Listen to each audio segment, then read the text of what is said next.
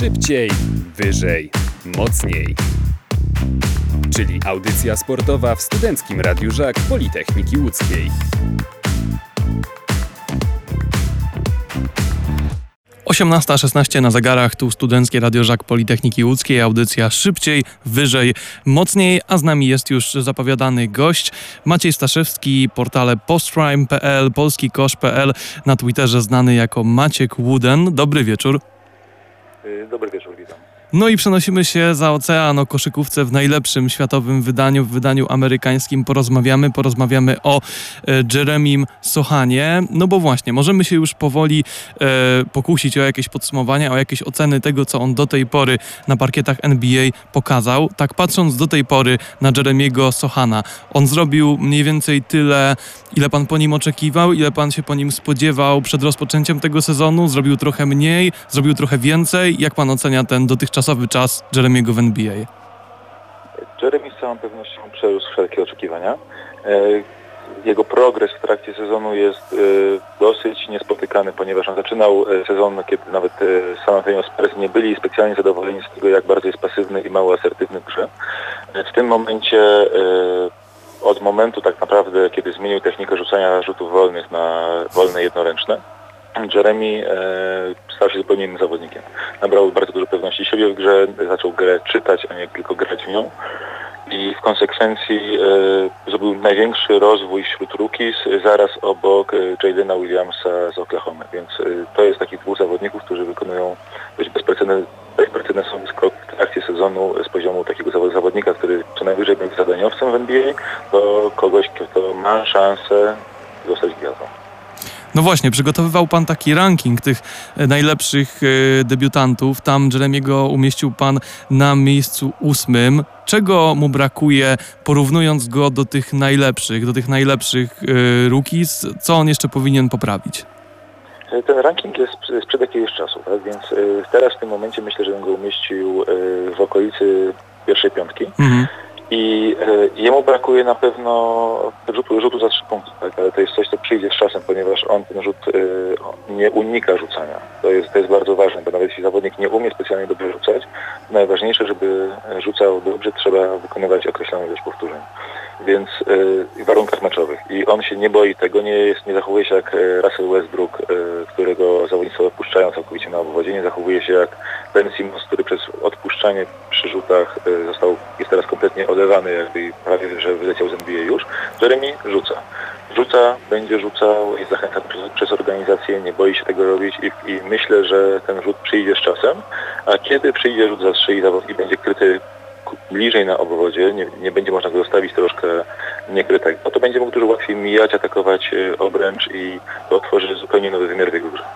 No właśnie, chciałem też o te słabsze cechy Jeremiego dopytać, bo to też jest taki temat, który pan poruszał w jednym ze swoich tekstów, też właśnie starszych, e, jeszcze z czerwca zeszłego roku i tam pan wymieniał jako takie słabsze cechy Jeremiego fizyczność, e, pracę nóg e, przy grze w stronę kosza, e, taką eksplozywność po, po koźle. Czy to są takie rzeczy, które Jeremy Sochan poprawił, czy one wciąż trochę kuleją u niego z pana perspektywy? To było bardzo wyraźnie widać na początku sezonu, że on miał, brakowało mu e, tej eksplozywności po przyminięciu. Miał problem z e, atakowaniem kozłem zawodników swoich obrońców, nie był w stanie wygenerować przewagi z gry jeden na jeden. W tym momencie już e, to się zupełnie zmieniło. Jeremy atakuje ten kosz bardzo chętnie i regularnie i wydaje się, że poprawił się ogólnie fizycznie. Jest dużo silniejszy, łatwiej mu się mija zawodników, chętnie łapie kontakt i e, też potrafi już wykonać e, wsad zaraz po minięciu, nie tylko atakując tak zwany close-out, czyli zawodnik do niego dobiera, e, dobiega odcinając mu rzut i on wtedy go mija, kiedy jest wytrącony z, z pozycji. Jeremy w tym momencie regularnie atakuje kosz i mówię, robi to coraz lepiej. Co dru- druga rzecz jest bardzo ważna, czyli ten, ta jego praca nóg że tyłem do kosza pod koszem, to jest coś, co mnie osobiście zachwyca, ponieważ e, dodał do, do, do swojej gry tyle elementów w tym zakresie, to, to, że jest to aż bardzo, bardzo rzadko spotykane. On w tym momencie wykonuje całą masę pivotów, pracę nóg. Ja to regularnie wrzucam e, w social media. Jak e, Jeremy umie wykorzystywać teraz swoje, swoje rozmiary pod koszem i pracy nóg tam są niektóre bardzo skomplikowane elementy typu zmiana, zmiana nogi pivotującej, jakieś wykroki, które często ludzie mylą z krokami y, w Polsce, a de facto są y, elementami koszykarskiego rzemiosła, ale, rzemiosła na najwyższym możliwym poziomie. A czy są dla Pana jakimś powodem do niepokoju te, te kontuzje Jeremiego? Bo już było kilka takich momentów w tym sezonie, gdzie on faktycznie łapał te, te przerwy. Na szczęście one nie były długie, on dość szybko na, na parkiet wracał i też szybko, co, co myślę ważne, wracał do naprawdę wysokiej formy po tych, po tych przerwach, ale no, faktycznie jak sobie tak to podsumujemy, no to było tych przerw dosyć sporo.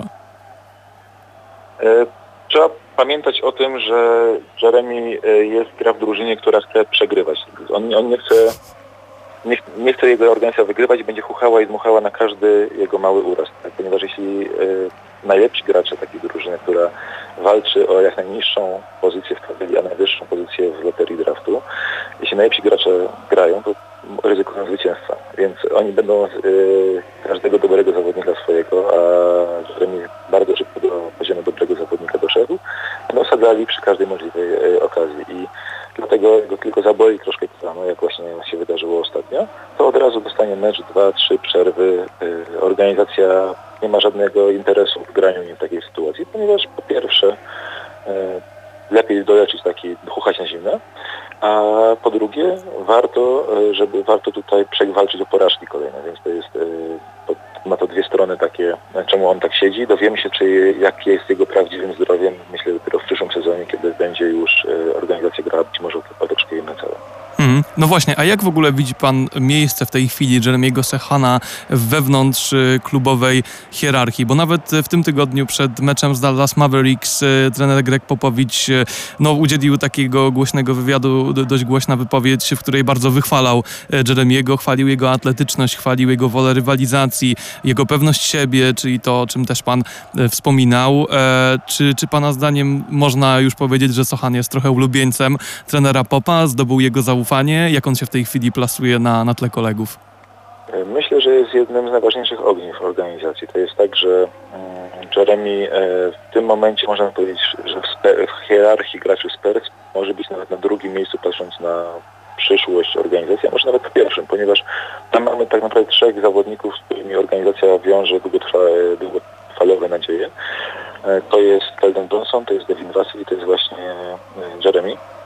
On będzie a on wykonuje najszybszy progres z, z tych trzech zawodników, więc istnieje spora szansa na to, że w tym momencie jest najważniejszym zawodnikiem z punktu widzenia organizacyjnego dla Spurs, co zresztą, o czym zresztą świadczy wybór, który został wybrany w drafcie, bo to jest tak, że on poszedł z dziewiątym pikiem, to jest najwyższy wybór Spurs od bardzo wielu lat, dlatego siłą rzeczy jest też bardzo ważnym ogniwem ich yy, długofalowych planów. Mhm. Pomówmy jeszcze chwilę w ogóle o San Antonio Spurs, bo to faktycznie jest no, ciekawy zespół, zespół, który no, tak jak pan wspomniał, nie walczy o najwyższe cele zdecydowanie w tym sezonie, e, w tym sezonie NBA. To jest temat, który ostatnio poruszył Marcin Gortat w rozmowie z TVP Sport. On stwierdził, że dla Sochana bardzo ważne e, jest to, żeby w przestrzeni trzech, czterech najbliższych sezonów jednak Spurs no, włączyli się w tej walce o, o playoffy.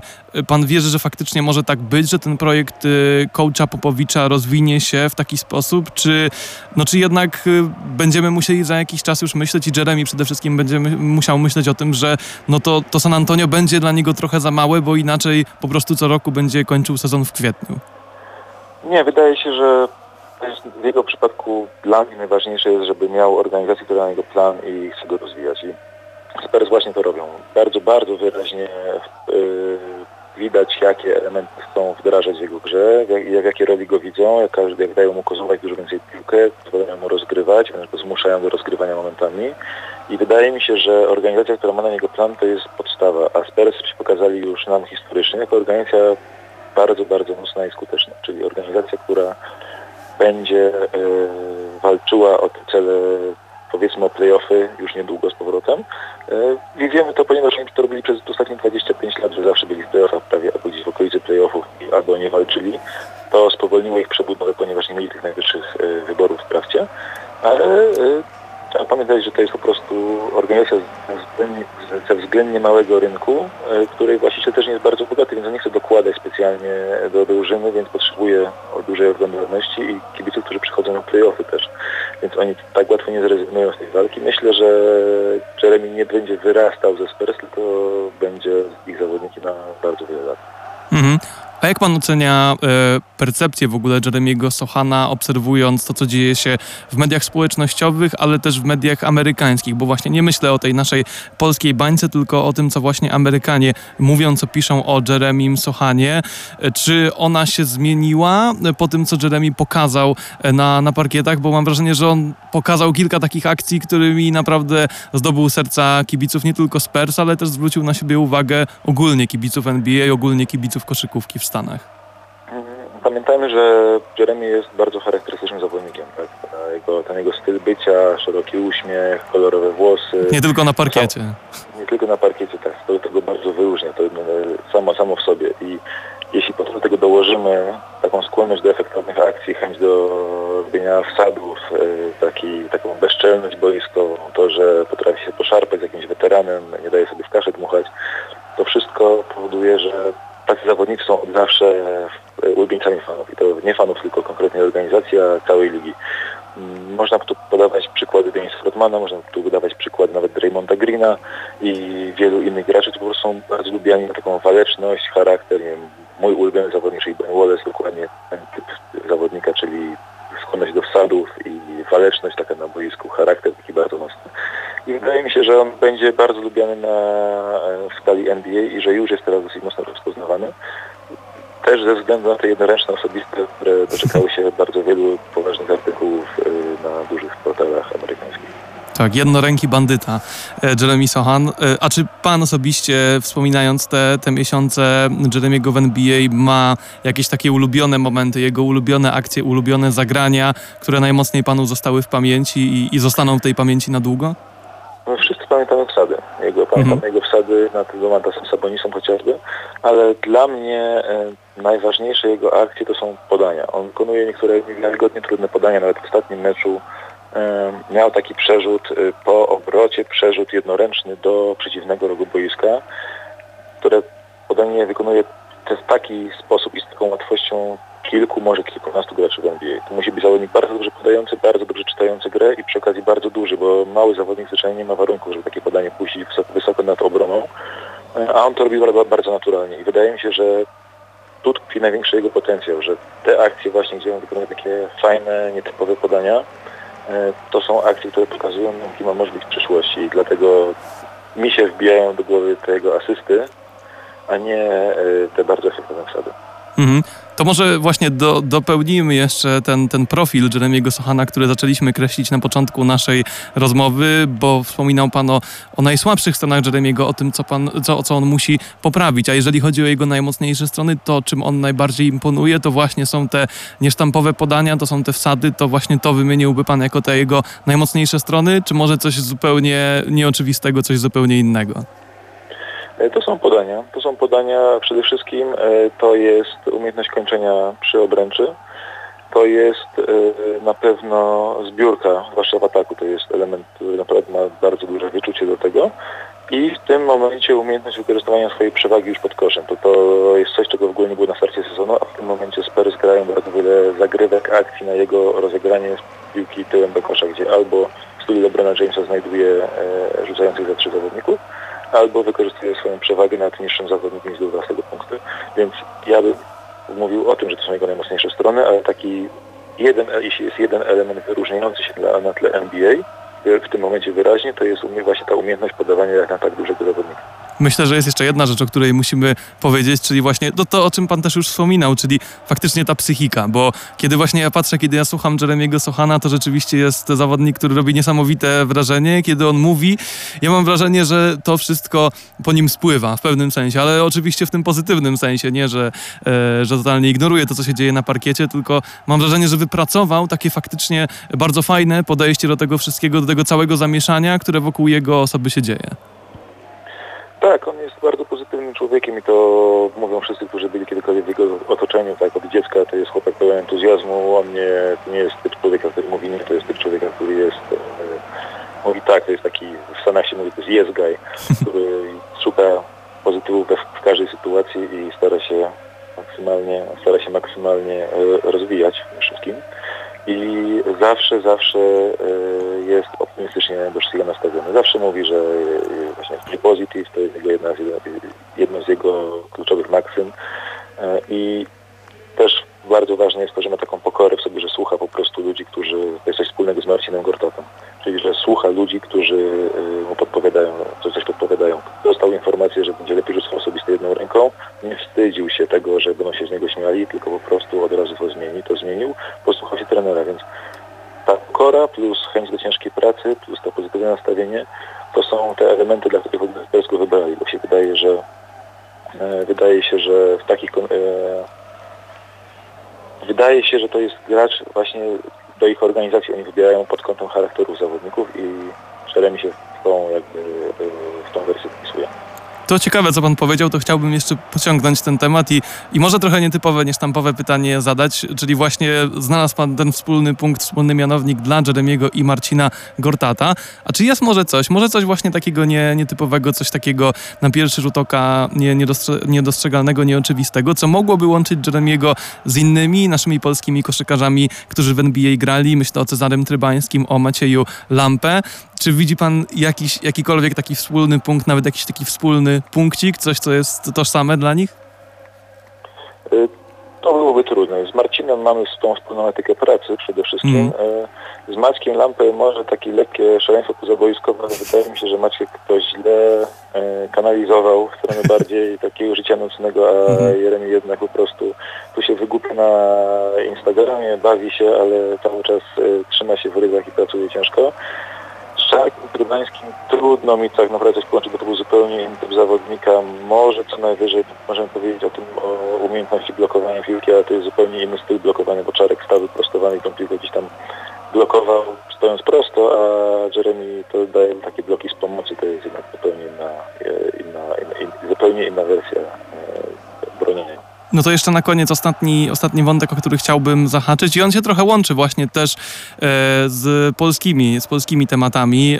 E, łączy się też z tym, że Jeremy jest takim yes guy, tak jak pan powiedział. Czy on będzie yes guy dla reprezentacji Polski, dla Radosława e, Piesiewicza, dla Igora Milicicia, bo ostatnio Radosław Piesiewicz na e, takiej ekspedycji w San, w San Antonio się pojawił, z Jeremym Sochanem rozmawiał, zrobili sobie razem zdjęcie. Jak pan widzi tę przyszłość Jeremiego Sochana właśnie w polskiej reprezentacji? No długo w tej reprezentacji go nie widzieliśmy. Oczywiście trudno będzie to połączyć z intensywnością NBA, ale czy, czy widzi pan faktycznie szansę, że, że, że Jeremy w, biało-czerwono, e, w biało-czerwonych e, barwach e, pogra?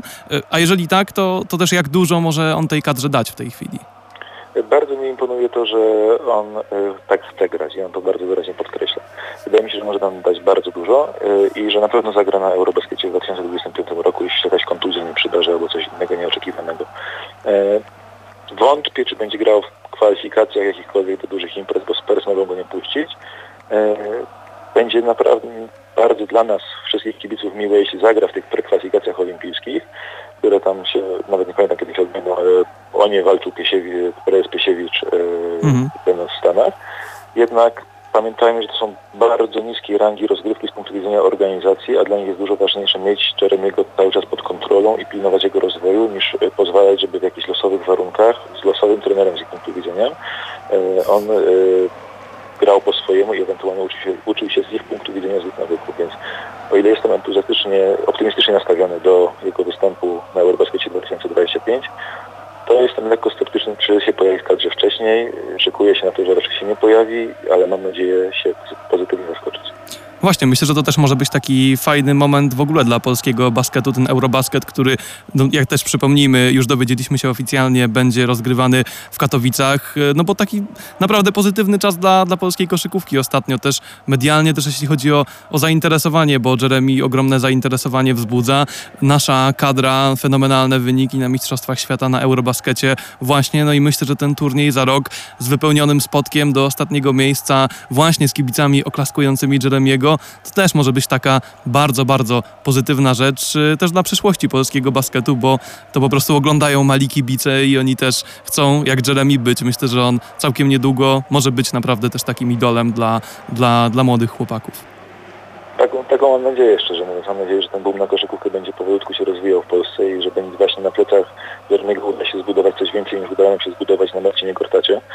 Marcin bardzo dużo dla koszykówki w Polsce zrobił, jednak to są działania mocno oddolne, a takie odgórne, medialne, głośne, to Jeremy ma szansę na to, bo ma szansę być po prostu mieć większą ekspozycję w NBA niż miał kiedykolwiek e, Marcin. I oby tak było i za to trzymamy kciuki, aby Jeremy nam rósł i też promował nam polski basket w świecie. E, te kciuki wspólnie trzymamy z Maciejem Staszewskim e, z portali Postprime, polskikosz.pl, znanym na Twitterze jako Maciek Łuden. E, wielkie dzięki za rozmowę. Bardzo dziękuję. Do widzenia. Szybciej, wyżej, mocniej czyli audycja sportowa w Studenckim Radiu Żak Politechniki Łódzkiej.